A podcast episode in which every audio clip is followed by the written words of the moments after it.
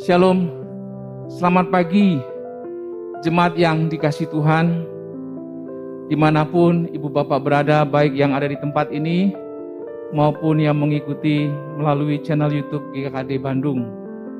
Ya senang sekali bisa berada di tengah-tengah saudara di tempat ini. Mengapa saya katakan senang dan kita harusnya senang? Kenapa? Karena kita bukan orang asing. Ya, Apalagi kalau hari Minggu itu hari yang menyenangkan bagi saya dan beberapa teman mungkin karena selalu ada mengingatkan di grup untuk badminton nanti sore ya. Nah, saudaraku itu satu satu pertemuan yang tentu memberikan persaudaraan itu semakin kuat di antara kita. Baik Bapak Ibu, bisa kasih tos kanan kiri sampai berbunyi katakan Tuhan Yesus sangat mengasihi Anda.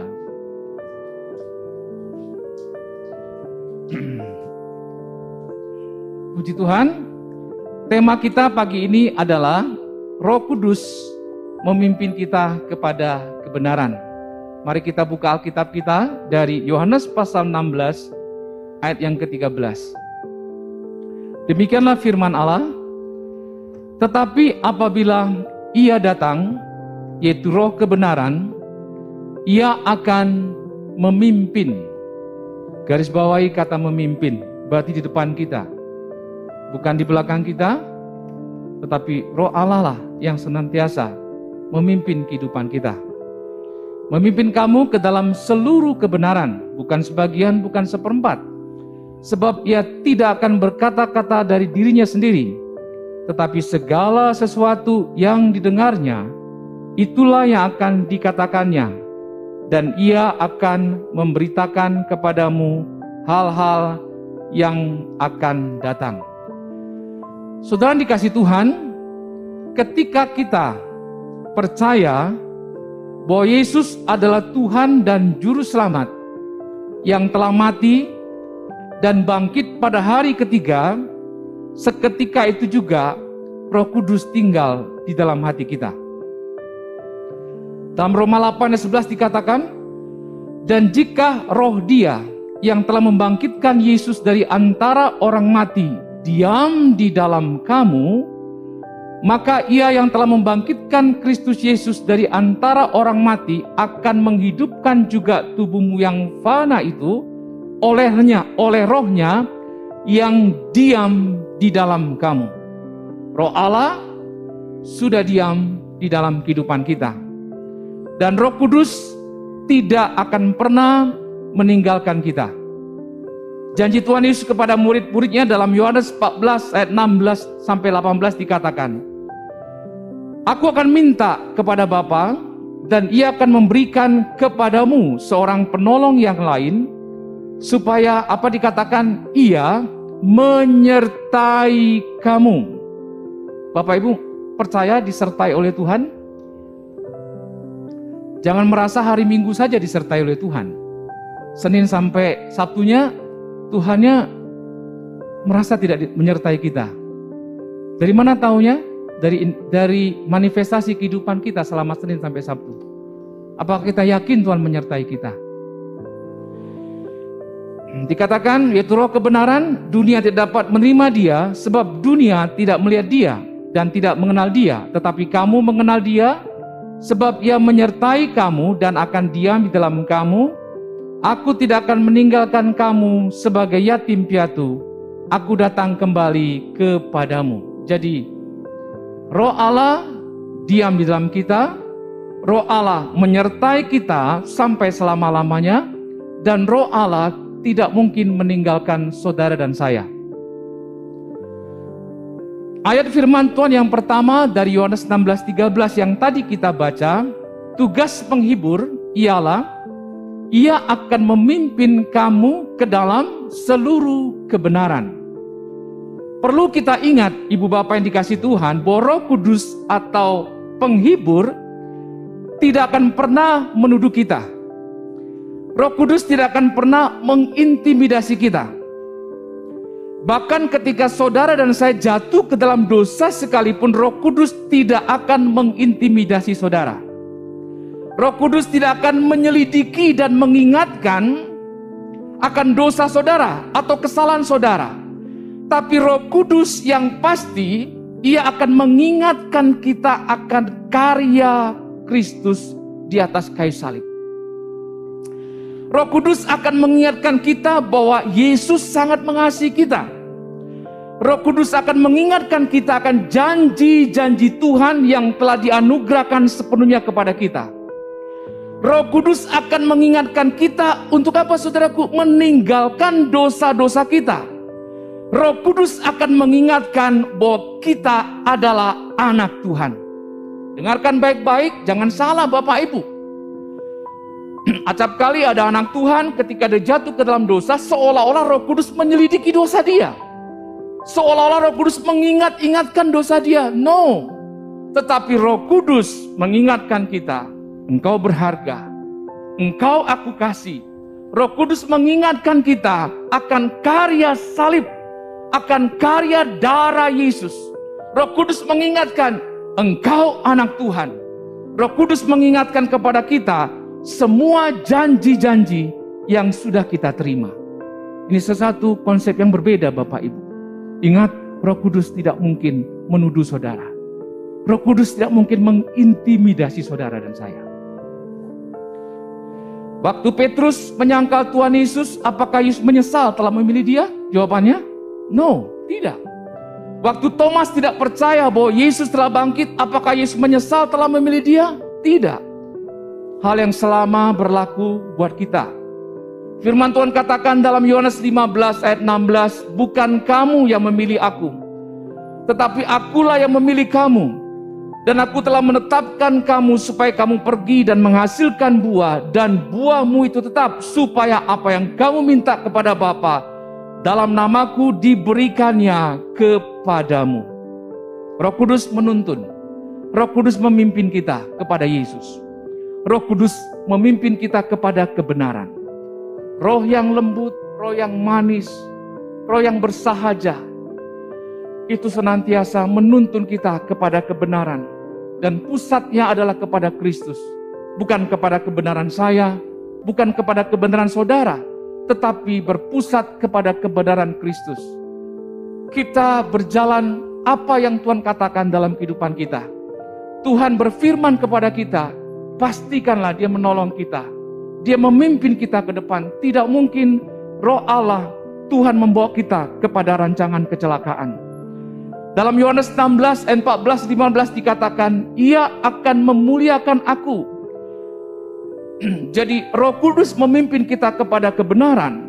Pusat kebenarannya adalah kepada Kristus, bukan kepada yang lain. Maka ditegaskan dalam Yohanes 16 ayat 14 15, Ia akan memuliakan aku. Sebab apa? Ia akan memberitakan kepadamu apa yang diterimanya daripadaku. Segala sesuatu yang Bapa punya adalah aku punya. Sebab itu aku berkata, ia akan memberitakan kepadamu apa yang diterimanya daripadaku. Seluruh kebenaran terpusat pada Yesus Kristus, Christ Center, bukan kebenaran saya. Tetapi kebenaran yang berpusat kepada Kristus. Tidak ada yang mengatakan bahwa pengajaranku lebih benar daripada yang lain. Tidak ada yang mengatakan bahwa gerejaku lebih baik daripada gereja yang lain. Bahwa apa yang kudapatkan lebih hebat daripada orang lain tidak ada yang mengatakan dia lebih baik daripada orang lain atau ada yang merasa dia lebih benar dari orang lain. Terkadang kita lupa kecenderungan sifat dasar manusia itu apa? Merasa lebih. Merasa lebih baik daripada orang lain. Merasa lebih punya pengetahuan daripada orang lain. Tetapi kalau pusat kebenaran kita adalah pada Kristus, ketika kita dibawa kepada kebenaran yang hakiki, yang utama adalah Kristus, saya yakin tidak mungkin ada perpecahan. Saya yakin tidak mungkin ada perselisihan Bapak Ibu yang tidak bisa diselesaikan. Sebagai contoh, sederhana. Tak kala kita dinasihati oleh orang lain, atau mungkin ditegur oleh orang lain. Karena apa? Karena ditemukan kesalahan pada diri saya. Bukannya kita berterima kasih kepada nasihat atau teguran tersebut. Malah apa? Kita terus membela diri kita. Yang pada akhirnya membawa kerugian pada diri kita sendiri dan juga komunitas orang yang percaya. Apakah saudara pernah menemukan itu dalam diri saudara? Ketika orang melihat kesalahan kita, ada orang yang baik, ada orang yang menasihati saudara dan saya. Ada orang datang peduli dengan saudara. Ada orang menasihati bahkan mungkin menegur dengan teguran yang cukup keras. Tetapi acap kali ada anak-anak Tuhan. Justru dia membela dirinya. Justru malah dia berbalik Bapak Ibu untuk menyerang orang tersebut. Saudaraku, kalaulah kita mengerti kebenaran untuk apa kita dinasihati, maka kita takluk kepada kebenaran tersebut. Ya, saya tidak bisa hidup sendiri. Saya tidak bisa independen, tetapi ada orang lain. Tuhan memakai orang lain untuk membentuk saya. Amin. Tuhan memakai orang lain. Percayalah Bapak Ibu, makan, bahkan punten. Seorang satpam di kantor saya pun, di kantor saudara, akan Tuhan pakai untuk membentuk kita. Sopir pribadi saudara pun mungkin akan dipakai Tuhan untuk menegur saudara, untuk mengingatkan saudara. Semua bisa dipakai oleh Tuhan. Tetapi persoalannya bagaimana hati saya bagaimana hati saudara mau nggak tunduk kepada pimpinan roh itu. Apa yang roh kudus katakan ketika saya dinasihati orang lain. Bukan defense, bukan malah keras kepala, bukan malah mengcounter lebih lebih keras lagi. Akhirnya apa? Merugikan diri saya sendiri dan merugikan juga sesama kita, merugikan komunitas, bahkan lebih besar akhirnya merugikan gereja. Saudaraku, Kembali kepada firman Tuhan tadi yaitu apakah mau kita memberi diri dipimpin oleh roh kebenaran sehingga kebenaran itu menyelamatkan hidup kita. Apa maksudnya menyelamatkan kita? Bukan hanya menyelamatkan kita dari hukuman dosa, tapi juga kebenaran firman yang menyelamatkan kita dari kesulitan-kesulitan kehidupan. Kebenaran yang akan menyelamatkan kita dari masalah-masalah kehidupan dan lain sebagainya. Minggu lalu disampaikan bagaimana keadaan manusia pada akhir zaman. Yaitu datang mas akan datang masa yang sukar. Bapak Ibu ada 18 ciri manusia pada akhir zaman. Anda dan saya membutuhkan roh kudus. Amin. Anda dan saya membutuhkan roh kebenaran. Anda dan saya membutuhkan kebenaran firman. Ingat, bukan apa kata orang. Tetapi ketika engkau dan saya meditasi dengan firman, ketika kita membaca, ketika kita merenungkan, ketika kita membuat catatan-catatan, ketika kita mempelajari lagi firman itu, maka firman itu yakinlah karena roh kudus dia akan berbicara kepada kita. Sehingga kita tidak perlu meniru iman orang lain. Kita nggak perlu meniru cara orang lain. Karena Tuhan punya cara tersendiri untuk membentuk hidup saudara dan saya. Karena keinginan Tuhan adalah saya bukan serupa dengan pembimbing saya. Saya bukan serupa dengan hamba Tuhan yang seperti apa. Tetapi keinginan Tuhan, saya menjadi serupa sama seperti Kristus. Bukan wajahnya yang berubah, tetapi karakter Tuhan itu ada pada kita. Ketika Roh Kudus menuntun kita, saya yakin seyakin-yakinnya, salah satu cirinya adalah orang itu mudah untuk ditegur, mudah untuk dinasihati, bahkan mudah untuk dibentuk saudaraku yang dikasih dalam Tuhan. Saudara kebayang seorang yang penjunan apa yang membuat uh, tanah liat itu betul? Dia bentuk mana ada tanah liat yang marah? Tidak mungkin saudaraku ya. Tapi penjunan itu dia akan bentuk sedemikian rupa bila perlu dia banting. Eh belum sesuai dengan keinginan dia dia ganti lagi. Betul Bapak Ibu? Dia buat lagi sampai menjadi satu hasil karya yang bagus, karya yang cantik, karya yang dilihat orang itu menarik. Saudaraku, hidup kita pun selayaknya menarik untuk dilihat orang. Yesus dikatakan dia bertambah besar. Betul? Dan semakin apa? Nah, jangan lupakan itu. Semakin disukai oleh orang lain. Dalam pengertian, tentu jangan bukan pengertian gue naksir sama lo, bukan. Tapi dalam pengertian, karakternya, karakter anak Tuhan Kemuliaan Tuhan dilihat orang, Bapak Ibu yang dikasih dalam Tuhan. Anda dan saya membutuhkan roh kudus.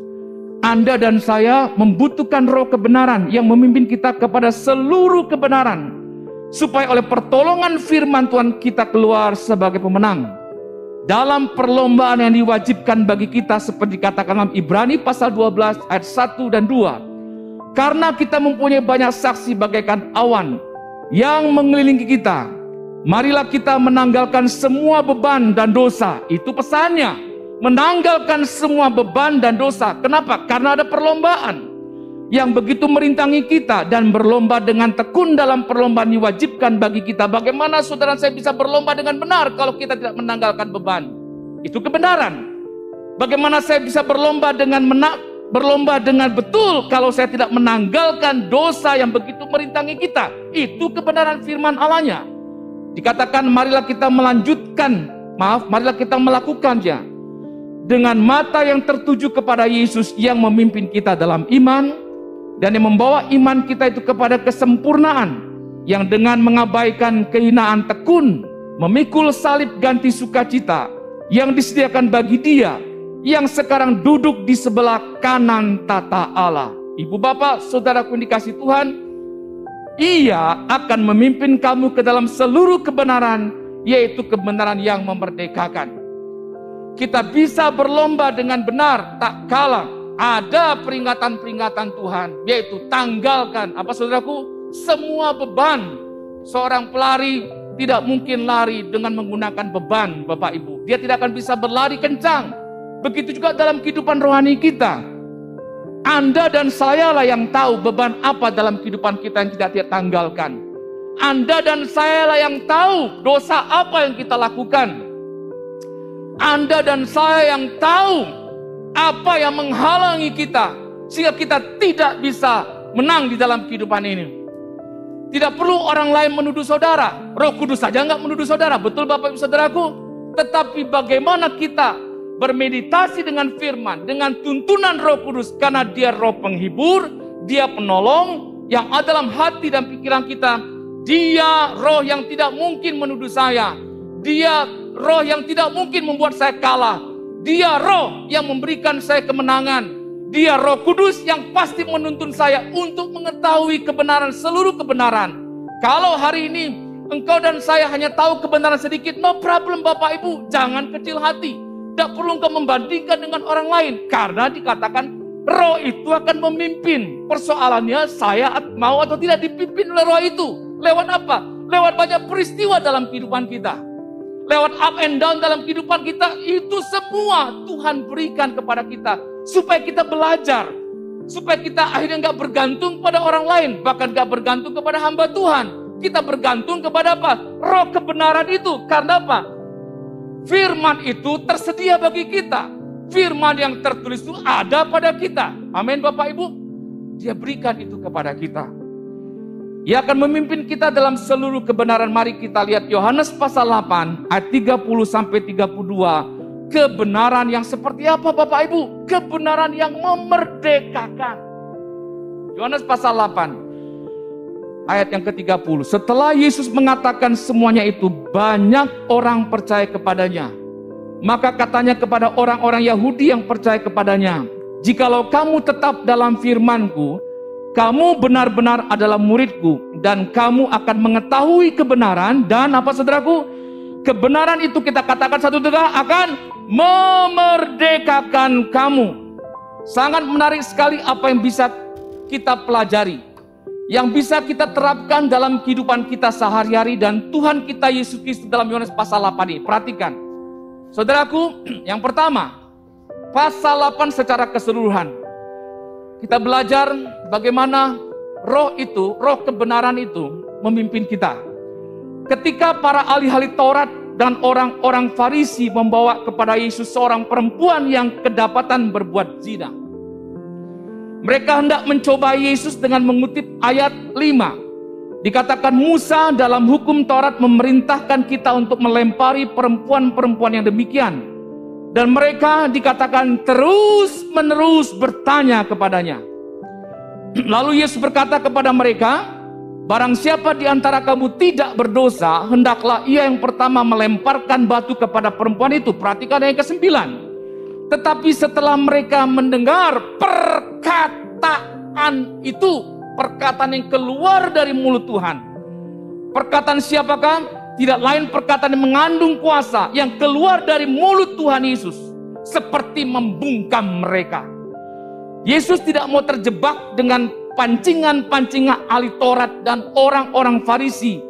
Sekalipun mereka mengutip Taurat, saudaraku, kita harus belajar dari Tuhan Yesus. Apa itu?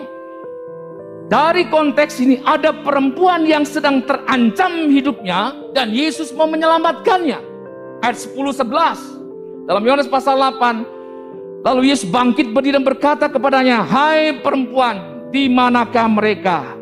Tidak ada seorang yang menghukum engkau?" Jawabnya, "Tidak ada Tuhan." Lalu kata Yesus, "Aku pun tidak menghukum engkau. Pergilah dan jangan berbuat dosa lagi mulai dari sekarang. Roh Kudus, roh kebenaran tidak akan pernah menghukum saudara sekalipun kita menyimpang dari kebenaran. Tapi jangan stop hanya sampai di situ. Karena ada pesan Tuhan berikutnya. Dikatakan dan apa?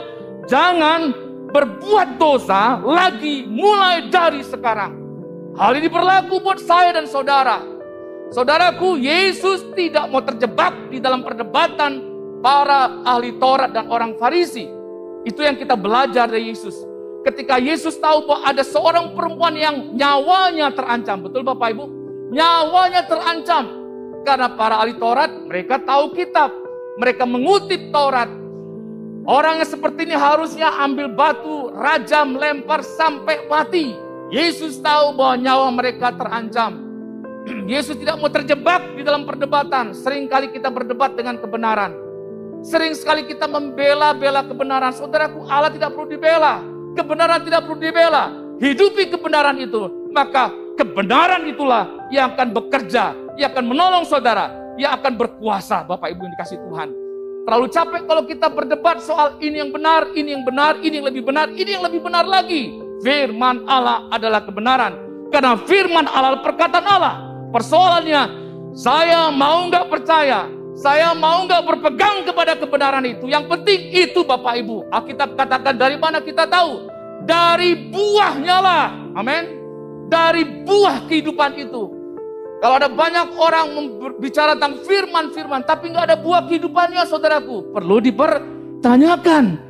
Tetapi kalau firman itu menghidupi kita, tidak mungkin tidak ada buah dalam kehidupan kita. Minimal, saya katakan minimal, jadi berkat buat keluarga. Gak usah banyak-banyak dulu. Kadang kita berpikir mau jadi berkat bagi global, minimal suami jadi berkat bagi istri. Istri berkat jadi suami. Orang tua jadi berkat bagi anak. Anak jadi berkat bagi orang tua. Baru masuk berikutnya ke family kepada keluarga. Baru masuk berikutnya kantor di mana kita bekerja. Baru masuk berikutnya ke gereja, kumpulan orang-orang yang percaya. Bapak Ibu dikasih Tuhan, bagaimana dengan kita? Kebenaran firman Tuhan hendak mengajarkan kita, terimalah saudara kita yang mungkin sedang lemah imannya tanpa mengungkit kelemahan atau kejatuhannya. Terimalah orang yang butuh dipulihkan sekalipun ada masa lalunya. Terimalah orang yang mungkin menyakiti saudara tanpa ungkit kesalahannya. Terimalah anak-anakmu yang mungkin juga tidak seperti yang kita orang tua harapkan. Apakah mudah? Saya katakan tidak mudah karena itulah kita butuh Roh Kudus. Apa yang kita baca di Yohanes pasal 8 mulai pertama, kita belajar belas kasihan Tuhan. Kita belajar, aku pun tidak menghukum engkau. Siapa kita menghukum orang yang jatuh? Siapa kita menghukum orang yang imannya lemah? Siapa kita yang menghukum, menghakimi orang yang tak berdaya? Saudaraku, saya percaya ketika perempuan itu melihat Tuhan Yesus, dia melihat mata Tuhan Yesus, dia pun berpikir bahwa Tuhan akan menghukum dia. Tetapi aku pun tidak menghukum engkau. Itulah kebenarannya. Dan Tuhan bilang, pulanglah, janganlah berbuat dosa kembali. Saudaraku, powerful perkataan Tuhan. Hal yang sama, perkataan Tuhan buat saudara saya, kalaupun hari ini engkau lemah, engkau pasti kuat. Kalaupun kau punya masalah yang setinggi gunung, Tuhan pasti akan menolong. Karena apa? Rohnya diam dalam batin kita. Roh itu dinamis Bapak Ibu. Roh itu tidak mati. Tapi roh itu hidup, roh itu berkuasa. Bahkan dikatakan roh yang tak terbatas itu sudah diberikan kepada kita. Ketika kita menyampaikan kebenaran, sekeras apa pun hati orang, ya saya katakan setiap perkataan yang keluar dari apa? Mulut Tuhan. Dikatakan apa? Tidak akan pernah kembali sia-sia dengan lain perkataan. Dia bertanggung jawab dengan perkataannya sendiri. Dia bertanggung jawab dengan firmannya.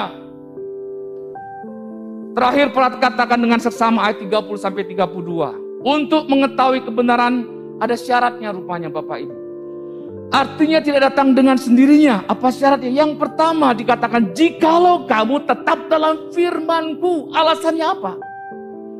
Yesus mengatakan itu kepada banyak orang Yahudi yang percaya kepadanya. Betul? Tapi tidak cukup hanya percaya. Yesus mengatakan lebih lanjut yaitu jikalau kamu tetap, arti tetap tidak bergeser. Arti tetap tidak berubah. Arti tetap tidak beralih ke yang lain. Di sini Yesus mengatakan tentang kebenaran yang memerdekakan dari dosa. Tapi mereka yang percaya tadi menjawab, kami adalah keturunan Abraham dan tidak pernah menjadi hamba siapa pun. Bagaimana engkau dapat berkata, kamu akan merdeka? Saya berharap saudara paham dialog Yesus dengan orang Yahudi yang sudah menjadi percaya kepada Tuhan. Yesus berkata tentang kebenaran yang memerdekakan dari dosa. Tetapi mereka punya konsep, kami keturunan Abraham. Saudaraku, kebenaran tetap di dalam kebenaran. Engkau dan saya akan mengetahui kebenaran kalau engkau dan saya tetap di dalam Kristus. Tetap tidak bergeser. Saudaraku, ada banyak hal yang bisa menggeser kita, betul? Ada banyak hal yang bisa membuat kita tidak fokus kepada kebenaran itu. Kenapa? Karena ingin cepat. Kita ingin persoalan kita cepat selesai. Kita seperti tidak mengedepankan Tuhan. Saudaraku, ketika Alkitab katakan kamu tetap itu punya pemahaman jangan pernah bergeser apa pun tawaran dunia ini.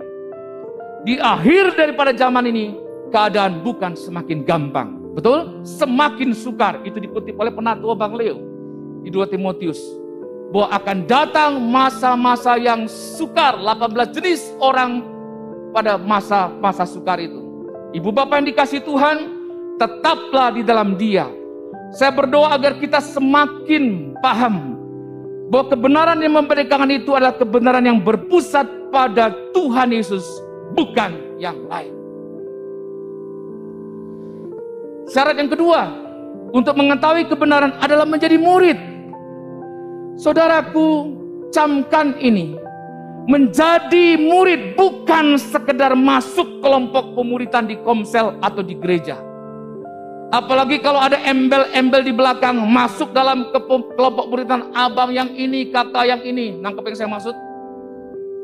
Apalagi kita dipeakan oleh hamba Tuhan ini, saudaraku tidak ada gunanya juga masuk dalam kelompok pemutihan kalau tidak rela menjadi murid. Tidak rela diproses menjadi murid. Ini dua hal yang berbeda. Ketika kita masuk sekolah, ini pemahaman yang sangat simpel. Menjadi seorang murid. Dia masuk sekolah, Seorang murid wajib masuk sekolah, tidak boleh terlambat. Betul Bapak Ibu? Kalau terlambat satu kali, is okay. Ada Ibu Maya di sini. Eh Kak, betul Ibu Maya ya? Ya. Terlambat satu kali, terlambat dua kali, tiga kali, terlambat berkali-kali. Siapa yang dipanggil? Orang tua. Ada aturan. Murid wajib ikut aturan itu. Kemudian dia harus belajar, dia harus punya buku, dia harus mengerjakan pekerjaan rumah. Masih ada nggak PR ya? Zaman kita kan PR itu menjadi beban yang berat Bapak Ibu ya. Ah, mengerjakan pekerjaan, dia harus menyelesaikan mata pelajaran demi mata pelajaran. Dia harus ikut proses itu sehingga sah dia disebut murid. Kenapa dia harus ikut? Murid mengalami proses supaya dia berubah dari tidak tahu menjadi tahu Bapak Ibu dikasih Tuhan. Ketika dia naik tingkat pelajaran makin sulit dan dia pun mengikuti pelajaran itu. Dia mengikuti ujian. Suatu ketika waktu saya kuliah, saya tuh kuliah akunting. Yang mungkin masih hebat ku Alvin lah akuntingnya. ya. Nah, dosen saya tuh mengingatkan begini. Ada mata kuliah akuntansi pengantar. Itu sangat terekam. Dia bilang begini di awal kuliah. Ingat, kuliah akuntansi pengantar adalah kuliah bersambung. Artinya mulai dari pertemuan pertama sampai terakhir itu bersambung semua. Mulai dari pengertian accounting, apa itu analisa transaksi sampai jadi laporan, maka dia mengingatkan jangan sampai nggak masuk yang namanya mahasiswa mengambil jatah. Sudah ngerti maksudnya? Jatah tidak kuliah. Maklum, waktu itu menjadi murid yang sedang diproses. ya, masih adalah nyimpang kanan kirinya. Nggak ikut kuliah. Bapak Ibu, kuliah akuntansi pengantar Pas pertemuan ketiga keempat, saya nggak masuk. itu terputus saja Bapak Ibu. Ketika mau masuk ke buku besar, apa itu buku besar? Karena nggak ikut kuliah itu. Saudaraku, untuk kita mengetahui kebenaran, maka jadilah memberi diri menjadi seorang murid. Karena apa? Murid itu diproses. Murid itu dibentuk sedemikian rupa. Terkadang lewat orang lain. Kalau lewat Tuhan secara langsung mungkin kita akan takut. Betul ya? Kalau secara langsung Tuhan, saya berbuat jatuh dalam dosa, lalu Tuhan datang kamar saya dengan pedang terhunus, matilah saya. Tuhan itu kok serem, tapi terkadang acap kali dia melalui orang lain. Bahkan pasangan suami istri nggak usah jauh-jauh, lalu pasangan kita kok mengingatkannya. Bagaimana respon kita? Yang penting adalah kebenaran itu membawa kita kepada pengenalan akan Kristus. Pusatnya adalah Kristus, bukan yang lain. Tiga poin utama, jangan merasa kita lebih baik daripada orang lain. Karena itu tidak ada gunanya bagi kerajaan sorga. Saya ulangi lagi, jangan merasa lebih baik dari orang lain, karena tidak ada gunanya bagi kerajaan sorga. Yang kedua, mari tetap dalam Kristus. Ingat, akulah pokok anggur dan kamu adalah ranting-rantingnya. Kita harus menempel pada ranting itu. Kenapa? Supaya kita dapat asupan makanan dari akar. Akar itu nggak kelihatan, betul Bapak Ibu, tapi dia menyerap makanan untuk ke pohon itu, ke ranting itu, supaya pohon itu bisa bertumbuh, menghasilkan buah. Dan yang ketiga, mari menjadi seorang murid yang mau dibentuk, diproses oleh Tuhan. Saya tegaskan, bukan sekedar masuk kelompok pemuridan saya percaya setiap jemaat Tuhan di tempat ini maupun yang di rumah pasti mengalami pembentukan di dalam pemuritan, bukan? Enggak ada orang yang senang. Saudaraku, sifat manusia itu tidak mau hidup dalam otori, di bawah otoritas. Sifat manusia itu ingin keluar dari otoritas. Tetapi tidak bisa. Tuhan mengizinkan kita ada di bawah otoritas itu. Karena Tuhan ingin membentuk hidup kita. Saya tidak bisa jalan sendiri. Anak saya bisa mengingatkan saya Pembimbing juga bisa mengingatkan anak PA. Orang tua bisa mengingatkan anak-anak. Bapak Ibu sebagai orang tua dengarkan. Jangan biarkan toh sudah ada pelayanan youth. No. Toh sudah ada pekerja anak-anak. No. Engkau dan saya lah yang pertama mengajarkan kebenaran itu kepada anak-anak kita. Karena tidak ada yang bisa menggantikan peran orang tua untuk mengajarkan kebenaran kepada anak kita. Sekalipun memang gak ada jaminan untuk mulus, tetapi itulah bukti kita perlu roh kudus. Mari kita bangkit berdiri.